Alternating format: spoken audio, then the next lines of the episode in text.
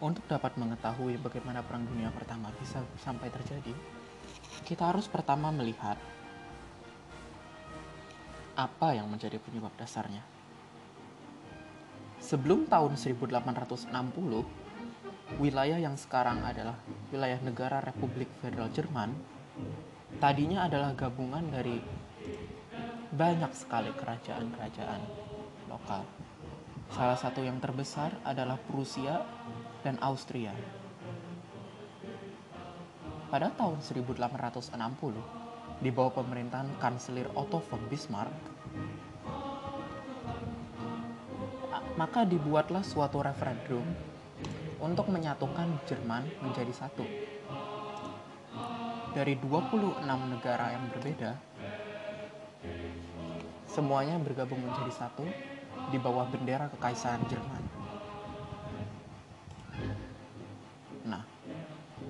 Dengan adanya Jerman yang bersatu, maka superpower lain di dunia seperti Rusia, Inggris, Prancis, dan negara-negara di sekitarnya pun takut kalau-kalau Jerman menjadi negara yang kuat. Karena sepertinya Jerman, walaupun sebuah negara yang muda, tapi ia memiliki kekuatan militer dengan potensi yang sangat tinggi. Pada tahun 1871 dengan perang Prusia melawan Prancis, perang tersebut berakhir dengan pasukan Prusia menguasai pra Prancis, yaitu Paris.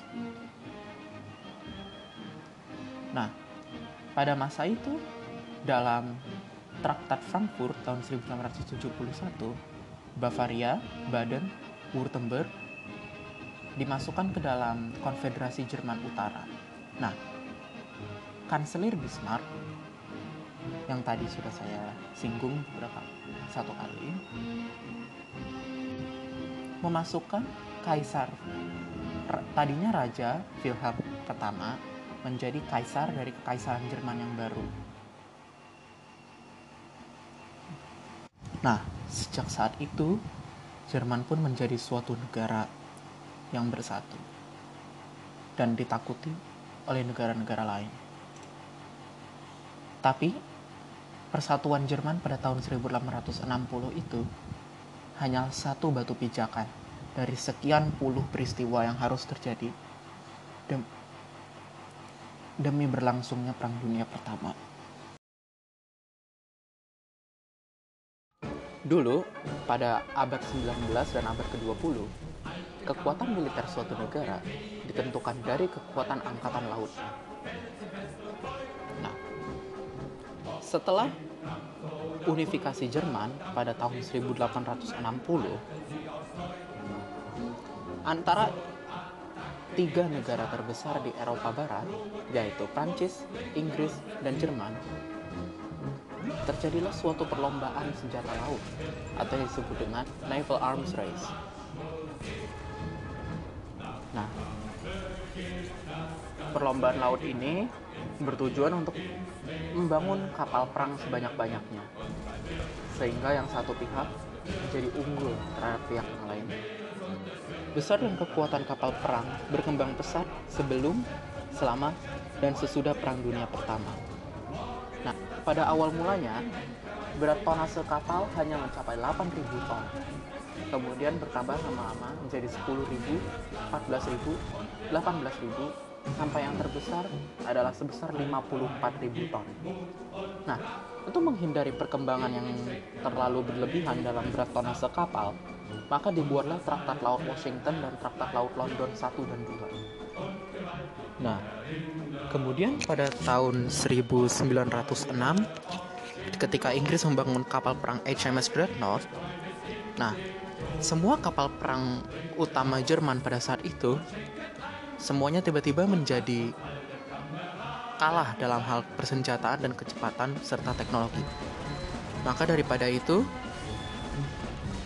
Kaisar Jerman, Kaisar Wilhelm yang kedua, mengizinkan Admiral Tirpitz untuk membangun kapal-kapal baru. Nah, pada tahun 1912 dan seterusnya, Jerman mulai kurang berfokus dalam pembangunan kapal perang besarnya, tetapi mulai memfokuskan kepada pengembangan kapal perang yang dapat menyelam atau kapal selam dalam bahasa Jermannya Unterseeboot. Nah, pada akhirnya salah satu peristiwa yang mengakhiri Anglo-German Arms Race ini adalah pertempuran Jutland di mana Angkatan Laut Jerman dikalahkan oleh Angkatan Laut Inggris.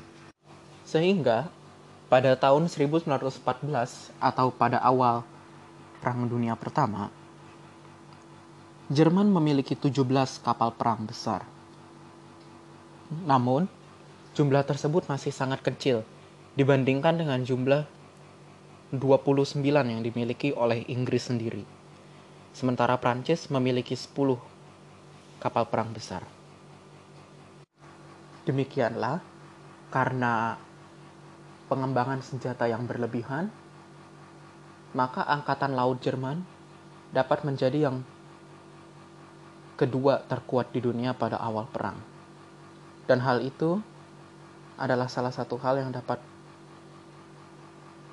menjadi katalis untuk perang dunia pertama.